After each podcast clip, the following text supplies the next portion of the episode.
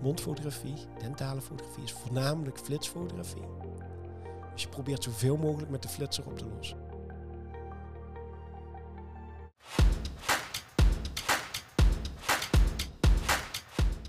Welkom bij DentiPlus Podcast, de podcast waarin ik, Marco Egas, interessante gasten spreek binnen en rondom de tandheelkunde.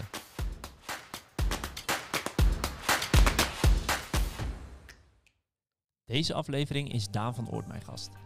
Daan heeft 20 jaar in de tandtechniek gewerkt, maar moest door een auto-ongeluk stoppen en heeft de vakopleiding tot fotograaf gedaan.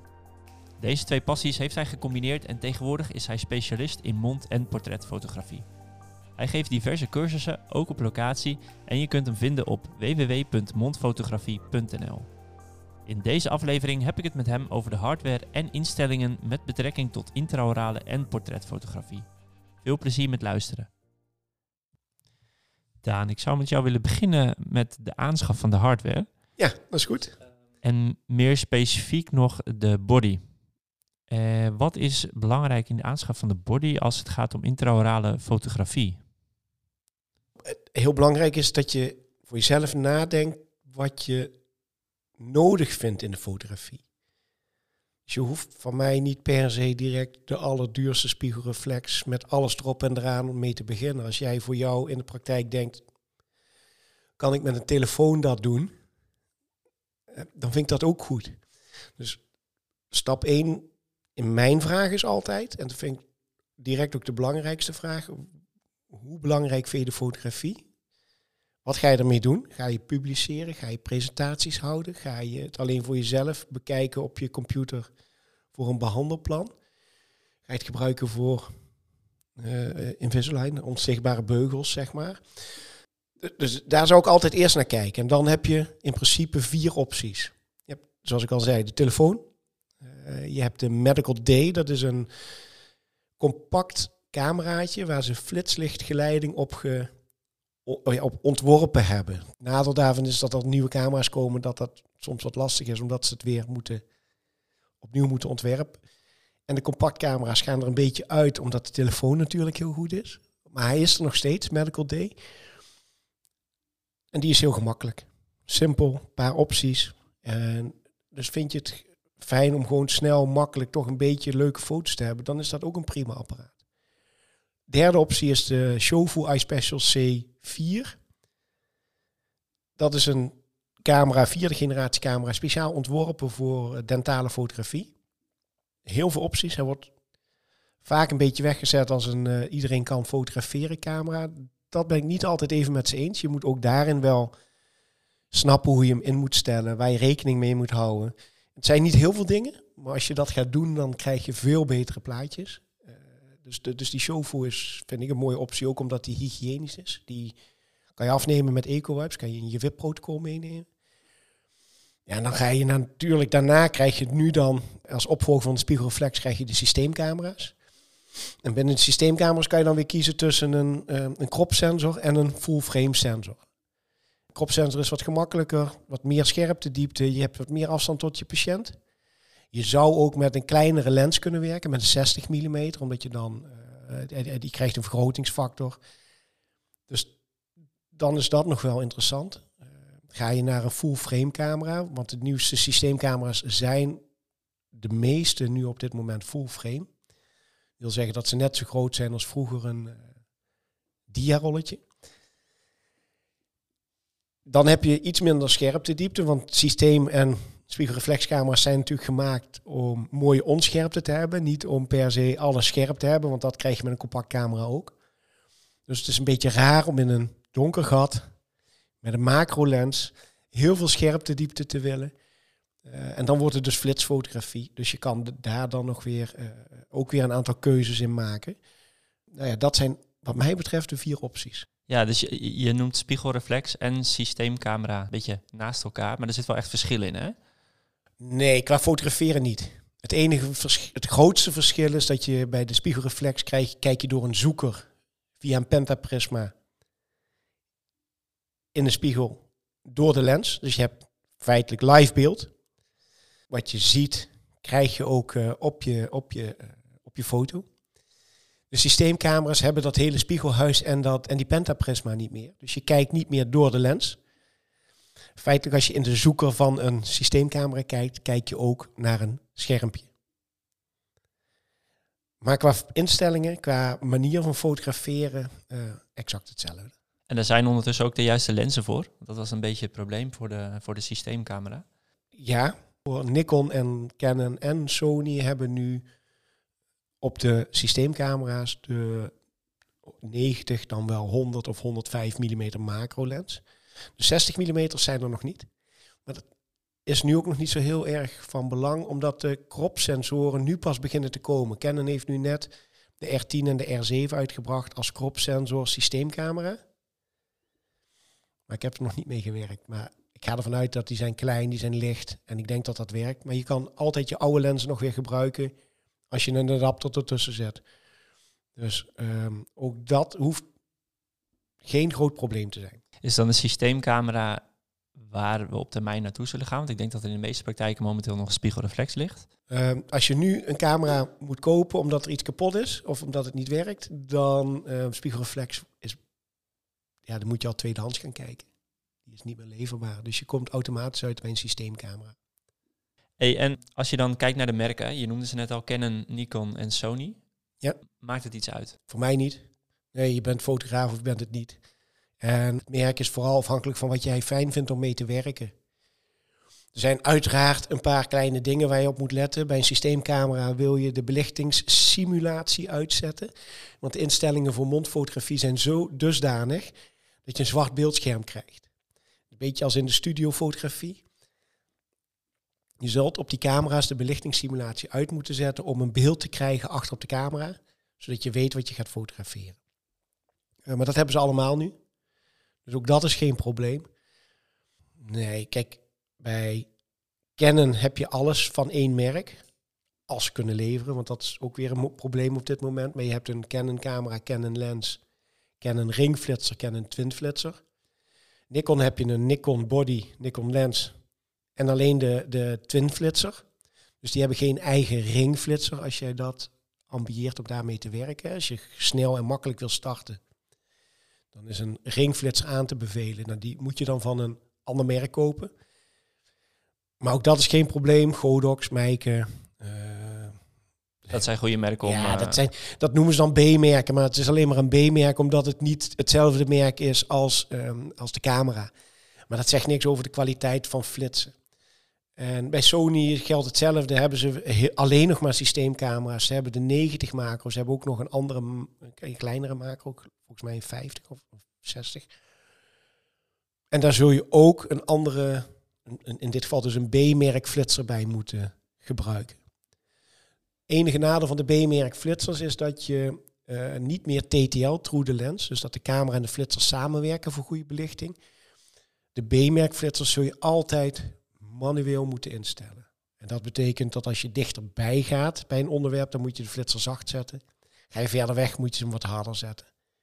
Voordeel wel is als je die manueel instelt, zeker bij de portretten, is dat je geen belichtingsverschillen krijgt. Want de flitser staat manueel ingesteld. Dus hij gaat niet zelf nadenken. Dus de controle is beter. En ga je het combineren met softboxen. Dus maak je een studio in je praktijk en je wilt dat combineren met je ring of twin flitser, dan zul je altijd manueel moeten flitsen. En dat betekent ook dat je, als je dat standaard instelt, dat je altijd hetzelfde resultaat krijgt. Op dezelfde afstand. Ja. ja dus ga je dichterbij, moet je ook je belichting aanpassen. Dus in je voorbereiding, in je leercurve, moet je voor jezelf een lijstje maken. Als ik op die vergrotingsfactor of op die afstand zit, dan moet ik de flitser op die stand zetten. Maar dat zijn kleinigheden. Als je systeem weet, is dat ook geen enkel probleem meer. Ja, ja. Zeker als je het op een gegeven moment wilt gaan publiceren, is het wel fijn als je hè, dezelfde belichting hebt, dezelfde soort foto's. De, ja, dat absoluut. je dat naast elkaar kan zetten. Uh, dat, en, dat is als je TTL flitst uh, van een portret. Dan krijg je natuurlijk altijd eerst de recht van voren foto met de lippen gesloten. Daarna krijg je de recht van voren foto met een hopelijk mooie glimlach. Maar de, de TTL gaat dan zo raar doen, omdat hij in één keer witte tanden in beeld krijgt, dat vaak de tweede foto net iets donkerder is dan de eerste. En dat heb je niet als je de flitser helemaal manueel instelt. Ja. Dus vooral in je portretfotografie ga je de grootste verschillen zien. En wat is het verschil tussen een ringflitser en een twinflitser? Ja, het verschil zit meer in de, eh, wil je overzichtsfoto's, zoals bijvoorbeeld bij orthodontie, dan wil je ook uh, achter in de mond alles goed zien. Dan zou ik altijd opteren voor een ringflitser. Uh, ga je veel meer esthetisch werk doen, dan zoek je, ben je op zoek naar zacht licht, dan ben je op zoek naar oppervlaktestructuur, dan ben je op zoek naar randlijsten. Dan zou ik meer naar een twinflitser gaan. En uh, wil je dat dan echt mooi doen, of wil je combineren, hè, zoals Nikon die dan geen ringflitser heeft, dan zou ik een bracket onder de camera plaatsen, zodat je van je twinflitser, dat je ze naar binnen kan zetten, waardoor je wel een ja, vergelijkbaar licht krijgt als met een ringflitser. Dan zit je wel met een extra bracket onder je camera. Ja, dus eigenlijk voor de basis heb je aan een ringflitser voldoende. En is misschien ook wat makkelijker in gebruik? Een ringflitser is altijd makkelijker, omdat de lamp gaat maar op één manier.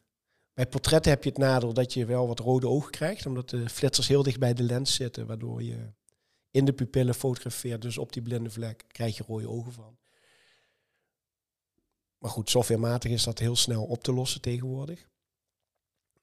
De, ja, de ringflitser is, is, is gemakkelijker. En zeker voor de overzichten. Lampjes staan altijd dezelfde kant op. Dus ja. ja, het werkt gemakkelijker. Maar ook dat is een kwestie van gewenning.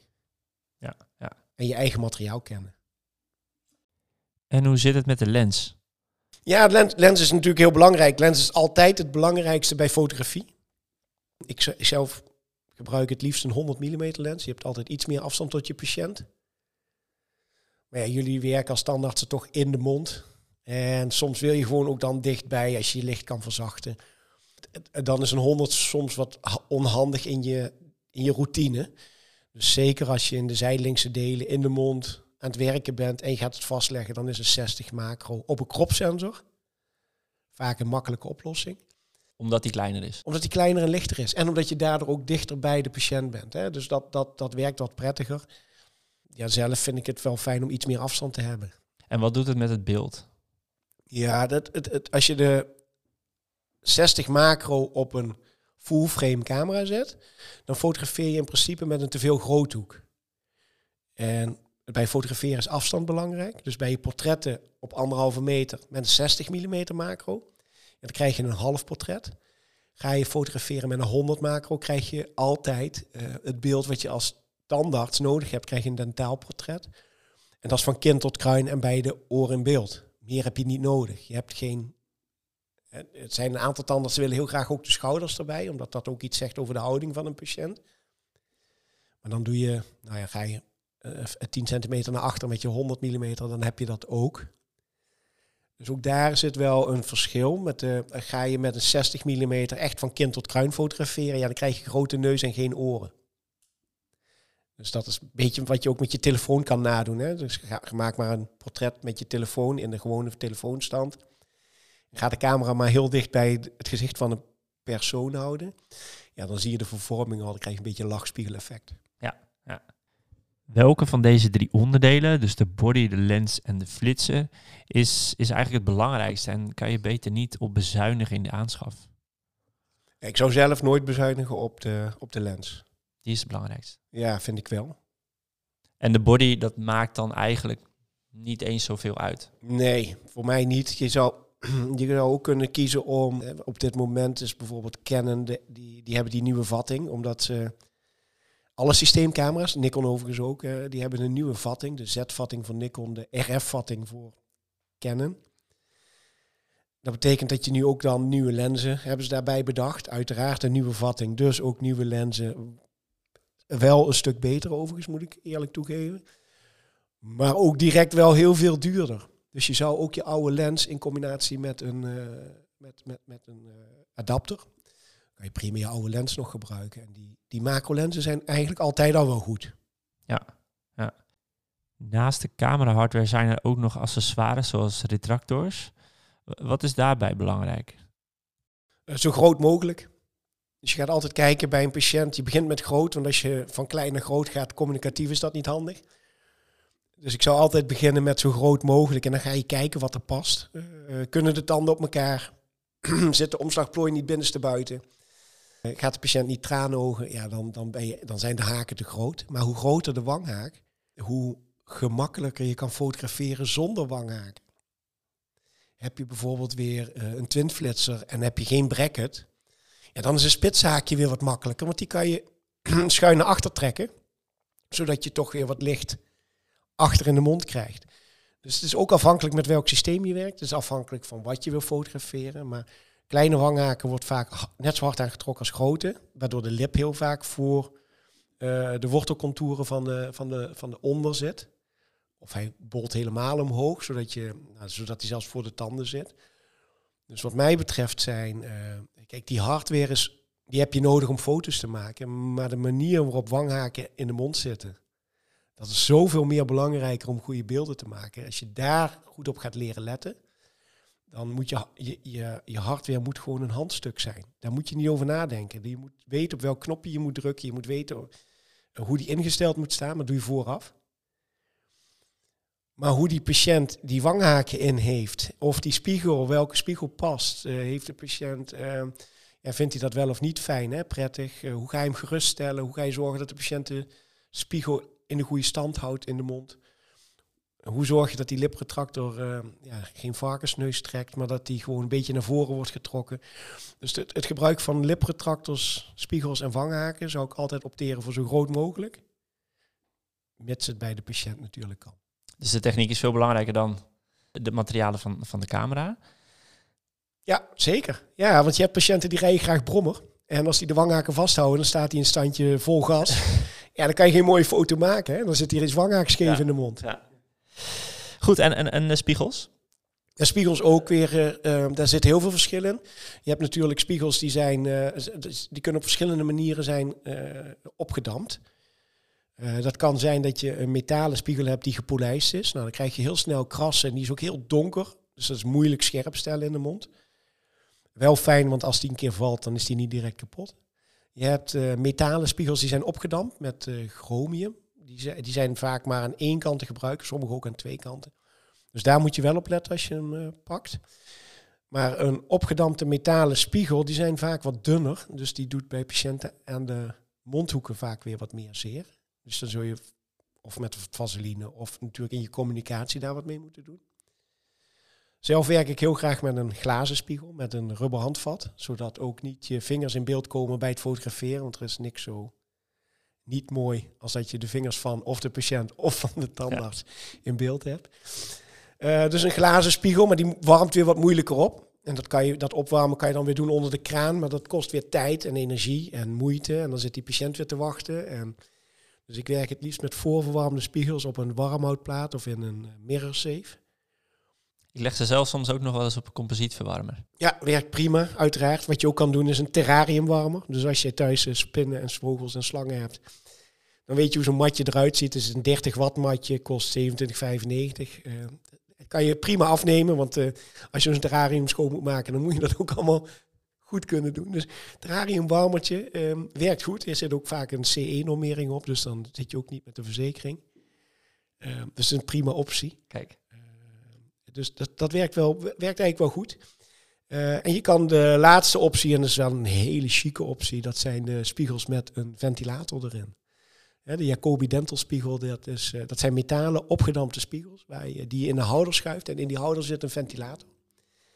Eh, dus die, heb je, die spiegels zijn in verschillende maten, dus eh die kan je gewoon uitwisselen wat, wat, wat er past bij de patiënt. Eh, doet het altijd. Altijd klaar, altijd gemakkelijk. Groot handvat eraan, reinigbaar. Ja, ook dat handvat is gewoon reinigbaar. Eh, ja, vind ik heel fijn werk. maar is wel wat, heel duur. was prijzig in aanschaf. Ja, ja. Dan gaan we even naar, de, naar het fotograferen zelf en de instellingen van de camera. Ik, ik ken van mezelf dat ik dan in een, eh, eh, werkte in een praktijk en dan was daar een camera en dan pakte ik die op en die stond nooit in de stand waarin die moest staan. Iedereen zit eraan.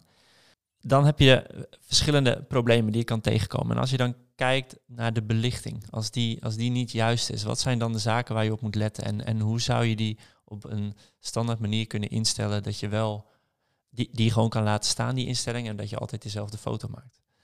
Je gaat, gaat er nu wel vanuit dat je werkt met een systeem of een Ja, spiegelreflexcamera. daar wil ik inderdaad naartoe. Daar, Ja. daar, daar ga je naartoe nu. Ehm, Ja, wat, wat, wat is belangrijk dat je altijd manueel werkt. Want als je manueel werkt, dan heb je alles zelf in de hand. Dus je gaat zelf zorgen uh, dat jij bepaalt hoe, wat de scherptediepte is, dat jij bepaalt wat de belichting is. Uh, je hebt natuurlijk je belichtingsdriehoek, de ISO, de diafragma en de sluitertijd. De sluitertijd heb je een snelle sluitertijd nodig, omdat je een 100 mm lens hebt, 10 centimeter. Je doet normaal gesproken 1 gedeeld door 100 mm. Dus je hebt minimaal een honderdste seconde nodig. Hè? Een honderdste van een seconde, moet ik eigenlijk zeggen. Om een scherp beeld te krijgen zonder bewegingsonscherpte. Je wil ook een snelle sluitertijd, omdat je dan geen uh, omgevingslicht hebt. Dus dan flits je dat weg. Maar wil je wat zachter licht, dan wil je zo'n laag mogelijke sluitertijd. Wil je uh, alles wegflitsen, omdat, het, uh, omdat je geen last wil hebben, dan, dan neem je een snelle sluitertijd. En de snelste sluitertijd die ik bij de meeste camera's kan kiezen, is afhankelijk van je sluiter. En, uh, en die is dan meestal een 250ste. Maar dan heb je wel hard flitslicht. Dus het is een beetje spelen. Uh, ik, ik heb standaard lijstjes, maar standaard lijstjes zijn standaard lijstjes. En uh, dat, die zijn er om vanaf te wijken, vind ik zelf. Uh, die, dus dat, dat, je mag altijd een beetje spelen, vind ik. Je moet ook kijken wat bij jou past. De een vindt de ene witbalans goed, de ander de andere. Uh, dat, is, dat, is, ja, dat is niks objectiefs aan. Maar als je dan kijkt in welke range je ongeveer werkt. Wat werkt voor intraorale fotografie? Als je sluitertijd pakt, pak je altijd een, een 125ste tot een 200ste meestal qua sluitertijd. Uh, diafragma ligt ook weer aan welke lens je hebt, welk merk je hebt. Uh, sommige lenzen kunnen maar tot diafragma 22. Uh, ja, dat is dan ook het maximum. Heb je ook zeker nodig in mondfotografie, zeker recht van voren. Als je dus een maximale occlusiefoto maakt of een end-to-end foto, waarbij je van de voortanden, het frontelementen tot en met de molaren alles scherp wil hebben. Ja, dan moet je één op de juiste plek scherp stellen. Als je dat automatisch zou scherp stellen, stelt je het scherp op het front. Uh, dan maak je niet gebruik van het hele scherptedieptebereik. Dus je moet recht van voren scherp stellen op de hoektand of de distale zijde van de hoektand om volledig alles van voor naar achter scherp te krijgen. Heb je een lens die wat hoger kan, zoals uh, van Canon, die kunnen naar 32. Ja. Hoe meer je weer in de uiterste gaat zitten, hoe meer je weer andere afwijkingen krijgt. En fototechnische afwijkingen, zoals diffractie. Dus ik ga over het algemeen net eentje eronder zitten. Uh, maar soms heb je bij, uh, soms kan je ook naar, uh, naar nog hoger dan 32. Ja, dat maakt het makkelijker, want dan heb je, als de flitser het aan kan, gewoon meer kans dat alles scherp is. En de ISO, ja, die nieuwe camera's, die kan je rustig tot ISO 800. Ga je op die kleine schermpjes en op dat, wat, als je al, ook als je publiceert, zeg maar, ja, dan ga je dat gaan dat nog steeds prima beelden zijn. Dat is zo goed tegenwoordig. Ik werk meestal in ISO 200. Uh, maar de portretten weet ik ook van een aantal tandartsen kiezen om ISO 800 te nemen. Omdat je dan minder hard hoeft te flitsen. Dus dan krijg je gewoon een wat mooier portret. Dus dat is wat ik bedoel met je kan zelf kiezen. En omdat wij flitsfotografie doen, macrofotografie in de mond, in een donker gat met een macrolens, doen wij als tandartsen, als, als, als, of als dentale mensen die fotograferen, doen wij een flitsfotografie. Dus wij lossen de goede belichting op niet door een goede belichtingsdriehoek, maar dat lossen we op door flitslicht toe te voegen. En dan ben je afhankelijk van welke flitser je gebruikt. Gebruik je een ringflitser, gebruik je studiolampen. Er zijn natuurlijk ook tandartsen die fotograferen in de mond ook met studiolampen ja, dan heb je gewoon meer opties omdat de flitser sterker is. Dus je hebt de driehoek, diafragma, sluitertijd, ISO.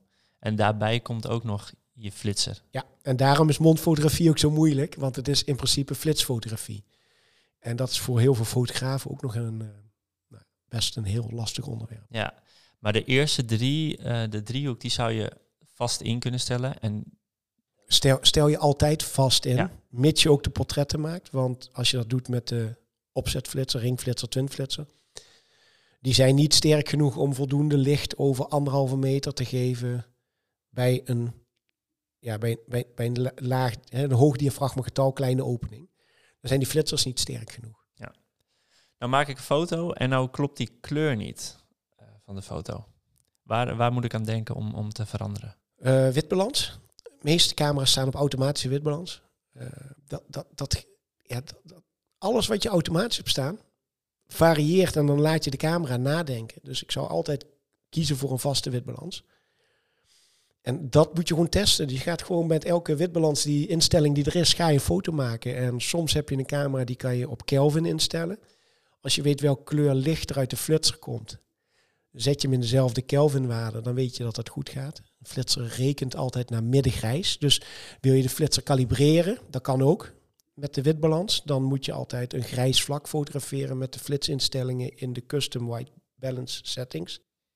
Dat is al best wel ingewikkeld, denk ik. Uh, nou, je pak je handleiding erbij, staat heel goed beschreven. Uh, ja, je moet even wat meer moeite doen. Maar het gaat uiteindelijk wel uh, omdat, omdat er gewerkt wordt met JPG's en niet met RAW-bestanden. RAW is een zuiver digitaal negatief wat je achteraf elk bestand nog kan bewerken. Dus je kan ook dan de kleur helemaal aanpassen zoals jij dat wil. Maar omdat de meeste in JPG's werken en niet zin hebben om s'avonds laat nog alle foto's te gaan bewerken, stuk voor stuk, ga je kiezen voor een vaste, uh, voor, voor een vaste witbalans. En bij Nikon wordt er heel vaak bewolkt gebruikt. Bij Canon kan je kiezen voor flitser uh, of je gaat hem customizen, zeg maar. En de andere waar je nog naar kan kijken is beeldstijl. Beeldstijl is ook nog iets wat uh, heel erg op de kleur werkt. dat kan je op na natuurlijk zetten, dat kan je op portret zetten, dat kan je op monochrome zetten. Dan krijg je zwart-wit beelden. Uh, niet ook mooi. Ja, maar niet de bedoeling in de mond vaak. Hè. Dat is soms nog wel handig met als je bijvoorbeeld de kleuropbouw van een element wil fotograferen. Dan kan zwart-wit nog best mooi zijn.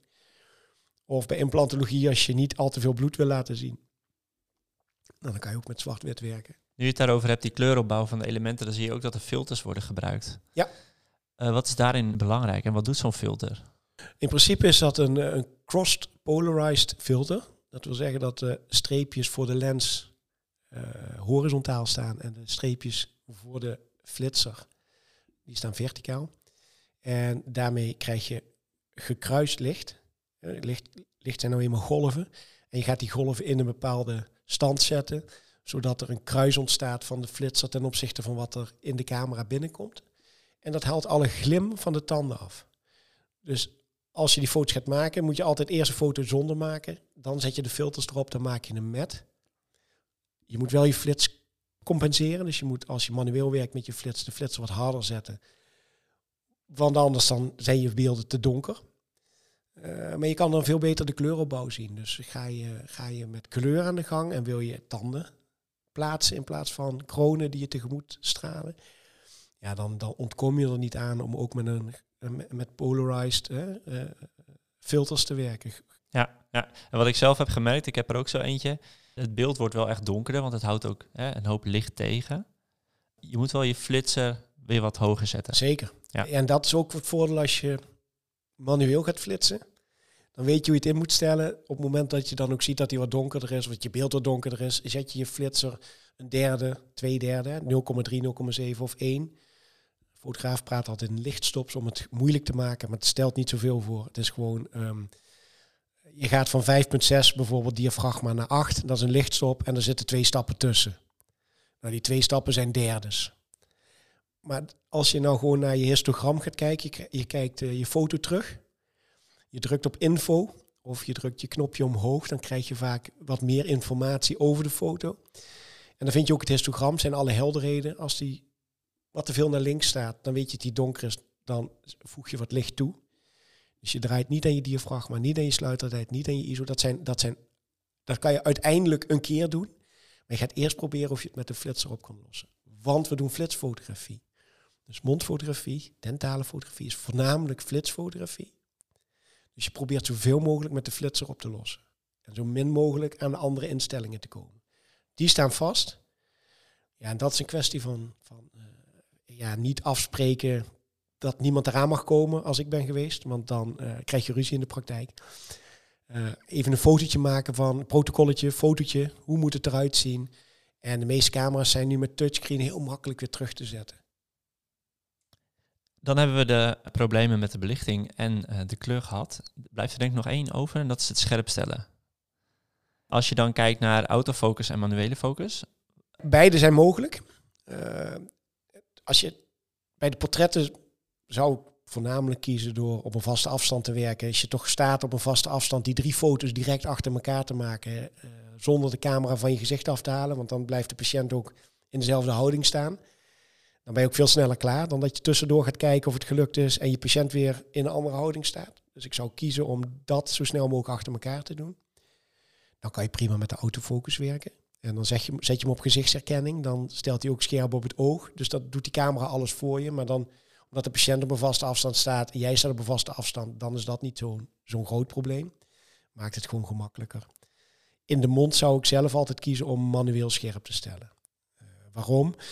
Op het moment dat jij met autofocus werkt, werk je niet reproduceerbaar. Dus de afstand tot je onderwerp varieert dan wat sneller. En die camera stelt wel scherp, maar vaak staat het scherpstelpunt op het front. Dus je hebt weer niet je volledige scherptediepte. En je moet gewoon gaan kijken dat als je door de zoeker kijkt, of achter op je beeldscherm, kan allebei. Je gaat gewoon kijken, is de hoek dan scherp? Dus je pakt het kader wat je wil hebben, van 7 tot 7 of 8 tot 8. Met alles in beeld, zo min mogelijk wanghaak. Op het moment dat de hoek dan scherp is, maak je de foto. Uh, en, en dan kan je met de hand iets bijstellen als je wat dichterbij moet of wat verder weg. Meestal is de vergrotingsfactor bij een crop sensor 1 staat tot 3, bij een full frame 1 staat tot 2 met een 100 mm lens. Dus dat zijn ook vaste waarden. Bij die vaste waarden worden weer vaste flitsinstellingen. En ja, dan kan je niet zo heel veel fout doen. Je, je noemt net die vergrotingsfactor. Waar, waar kan je die zien? Ja, dat, dat is nog weer even een dingetje. Bij de, de, de oude lenzen, de EF-lenzen, zeg maar, daar zit een, uh, zit een uh, venstertje op je, op je camera. Uh, of op je lens, sorry. En op die lens zie je aan de bovenkant de vergrotingsfactor. 1 staat tot 1 wil zeggen dat dat wat je fotografeert even groot op de sensor komt als dat in de werkelijkheid is. Heel dichtbij dus. Meestal is die afstand zo'n beetje, nou, wat zal het zijn? Uh, 29 centimeter, 31 centimeter. Dat is het dichtstbijzijnde wat de lens scherp kan stellen.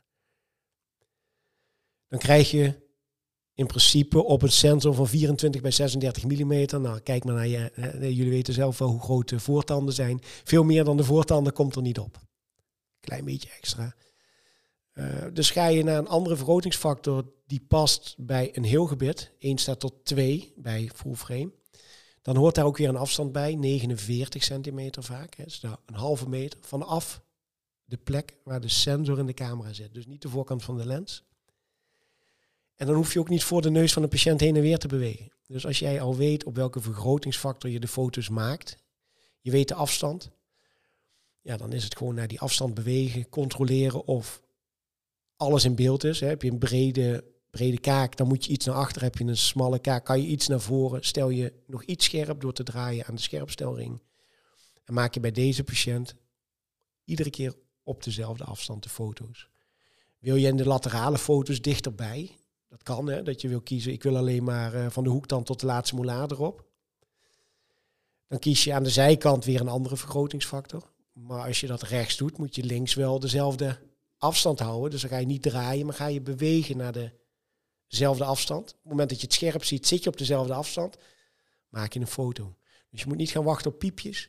Niet gaan wachten op iemand die zegt nu foto's maken. Jij kijkt, zie het scherp, druk je op die knop. En je noemde 1 op 2 voor de, de full frame sensor. Ik zelf heb dan de crop sensor en dan is het 1 op 3. Ja, klopt. Ja. En ga je de occlusaalopname maken, dan is het vaak, uh, ja, de, als je naar de afstand kijkt, dan staat er 0,49 bij jou. Bij 1 staat tot 3. Als je hem dan op de 9 zet van 49, heb je iets meer ruimte. Dan ga je merken dat dat vaak net iets beter uitkomt. Dan is er nog één knopje, weet ik van jou. Wat heel belangrijk is als het gaat om scherpe foto's. Ja, dat, dat is de dioptrie. Uh, wat je gaat merken ook is als je nu de systeemcamera's hebt, dan ga je gewoon, uh, dan zit dat er nog steeds. Ondanks dat je, uh, je gaat dan je beeldscherm scherp stellen. Maar bij de spiegelreflex zit er een, een, een, lensje in de zoeker. En als je handmatig gaat scherp stellen en die staat op min 2, ja, dan is het moeilijk om op de goede plek scherp, het scherp te zien. Dus wat er dan gebeurt is dan, als je de foto maakt, zal die scherp zijn. Maar hoe dat komt, weten de meesten dan niet.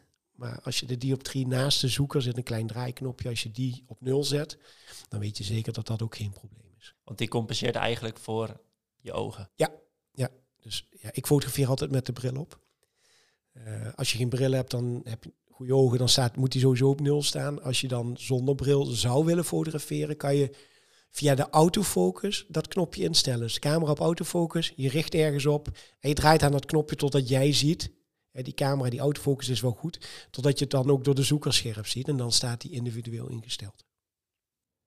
En wat is er anders aan de instellingen bij portretfotografie zonder de, studio in vergelijking met de intraorale fotografie? Het enige wat je verandert is normaal gesproken ehm, de, het diafragma. In dit geval, want de flitser kan je niet harder zetten. Hè? Dus ik net al gezegd heb, als je het kan oplossen met de flits, doe dat vooral. Wil je het oplossen met de flits, dan zul je extra licht moeten toevoegen. Dus dan krijg je automatisch portretstudio flitsers erbij. Wil je oplossen met je ringflitser, twinflitser, uh, zou ik het sowieso niet in de stoel doen, want het geeft geen rustige achtergrond. Ik zou iemand voor een muur zetten. Draai je diafragma naar 8, dan is die flitser wel sterk genoeg. Het enige nadeel is als je uh, dan iemand voor de muur zet en je maakt een foto, dan krijg je vaak een schaduw rondom de muur. Maar dat is weer afhankelijk van hoe licht het in de praktijk is. Dus het is wat donkerder, dan krijg je wat meer schaduw. Is het al heel licht vanwege dat goede licht wat tegenwoordig, hè, de ledlichten. Of je hebt heel grote ramen en dan komt zonnige dag, dan zul je merken dat je minder last hebt van schaduw in de achtergrond. Uh, maar is het een wat donkere praktijk of heb je geen daglicht, dan heb je wat sneller schaduw. Wil je die schaduw niet, dan zul je achter de patiënt sowieso een extra flitser moeten zetten. Dat kan ook een compact flitsertje zijn, een opzetflitser die je in een sleeffunctie mee laat flitsen met je ringflitser krijg je dus dat je de achtergrond de schaduw wegflitst. En de sleeffunctie, wat wil dat zeggen? Sleef alleen maar zeggen dat de flitser uh, meeflitst op het moment dat hij een andere flits ziet.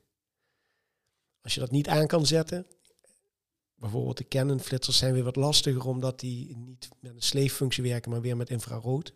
Uh, dus die, die zijn dan in dat geval niet aan te bevelen, maar een, uh, een klein flitsertje van Godox die in de, bij Godox dan in de S1 stand moet zetten, dan flitst die gewoon mee. Dus flits jouw ringflitser, dan flitst automatisch dat dingetje mee.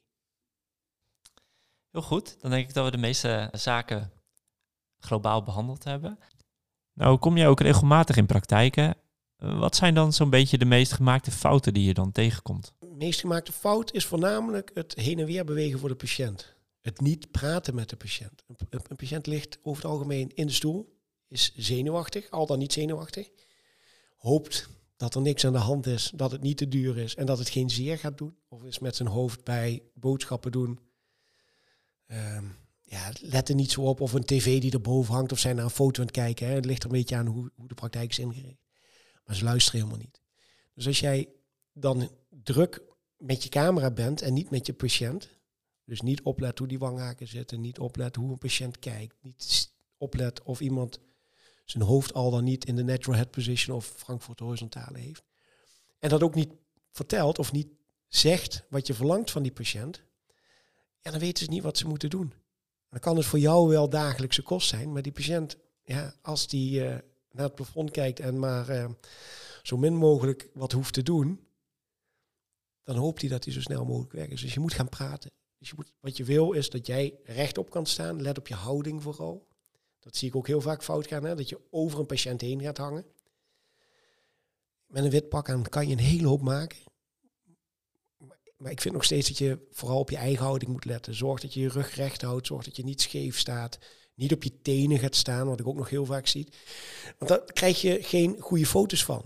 Dus als je de patiënt rechtop zet en je toe laat draaien, kin naar beneden, kin omhoog, eh, dan geef je één, je bent het communiceren met je patiënt. Twee, je bent samen goede foto's aan het maken.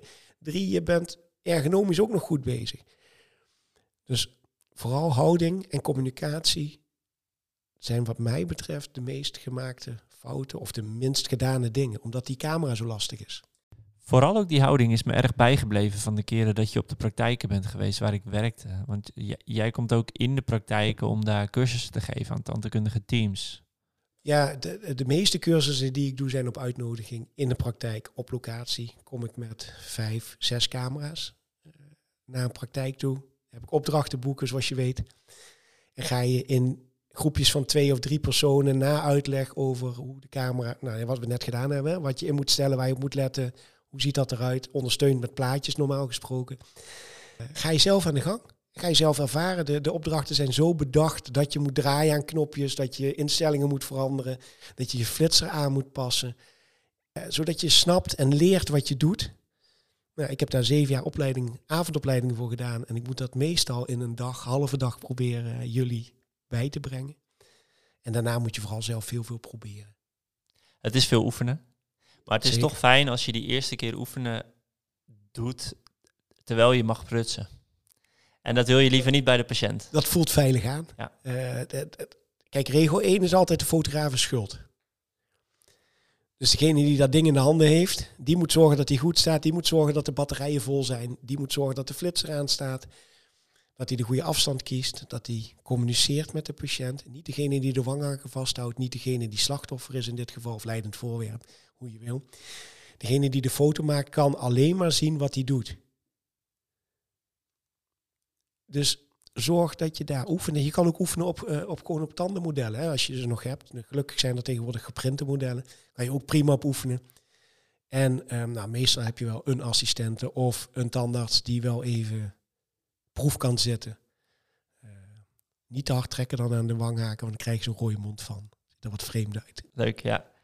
Hoe kunnen mensen nog meer leren? Eh, wat, wat heb je nog meer te bieden voor, voor tandartsen voor praktijken? Nou, kijk, ik heb, ik heb een eigen website. Op die website vind je al een hele hoop informatie. Staat eh, bij de download staan al waar je de materialen die ik gebruik kan bestellen.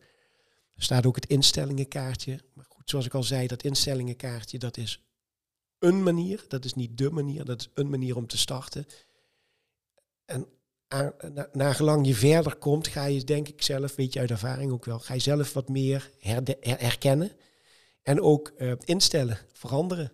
Uh, je eigen stijl uh, toepassen, zodat het meer bij jou past. Of bij je manier van behandelen, of bij je manier van presenteren. Uh, vooral gaan spelen. Ja, vooral heel veel spelen. Er zijn natuurlijk altijd wel YouTube-filmpjes en dingetjes. Voor dentaal valt het wat tegen.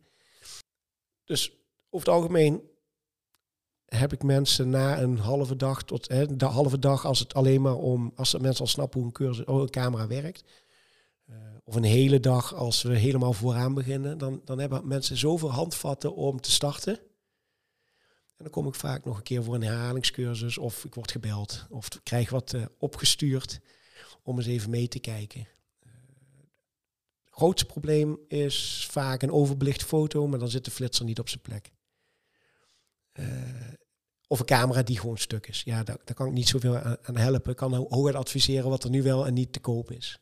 Uh, wat is de naam van je website? Je kan uh, naar dfotografie met een v.nl uh, of naar mondfotografie.nl. dan kom je op dezelfde website uit. En dan zag ik laatst ook een mooi tijdschrift van je voorbij komen. Ja, dat is, uh, dat is een uit de hand gelopen projectje.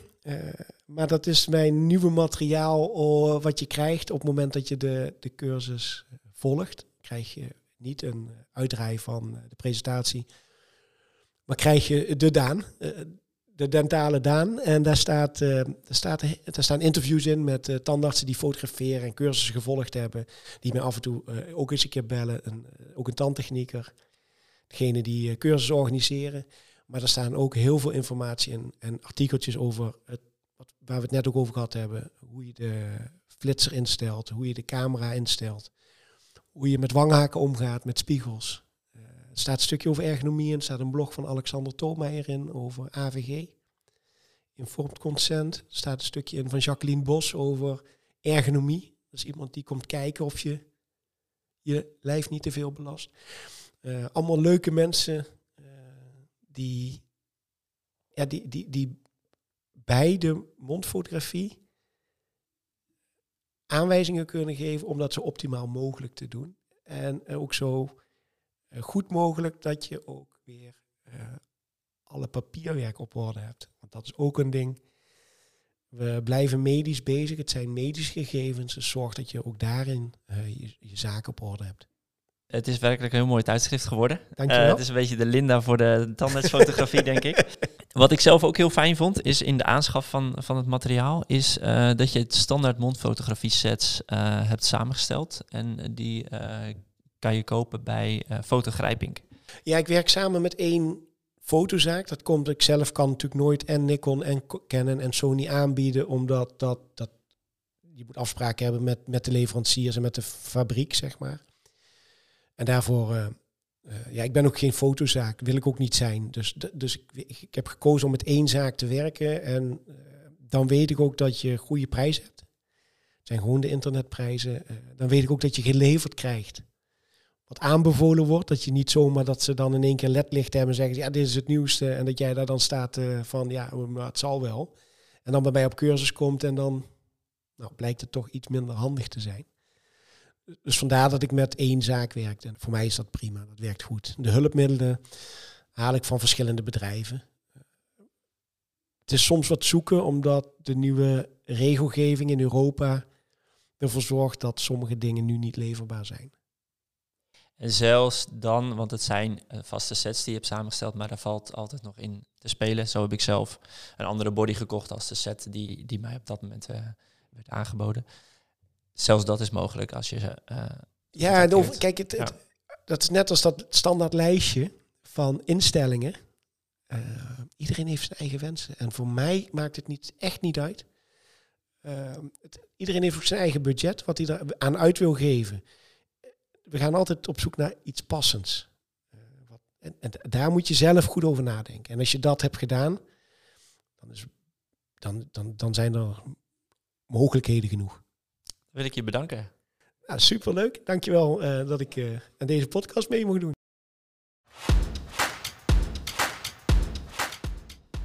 Tot zover deze aflevering. Ik hoop dat je er wat van hebt opgestoken. Voor afleveringen en meer informatie over de onderwerpen, als ook feedback en contact verwijs ik je graag naar de website dentiplus.nl.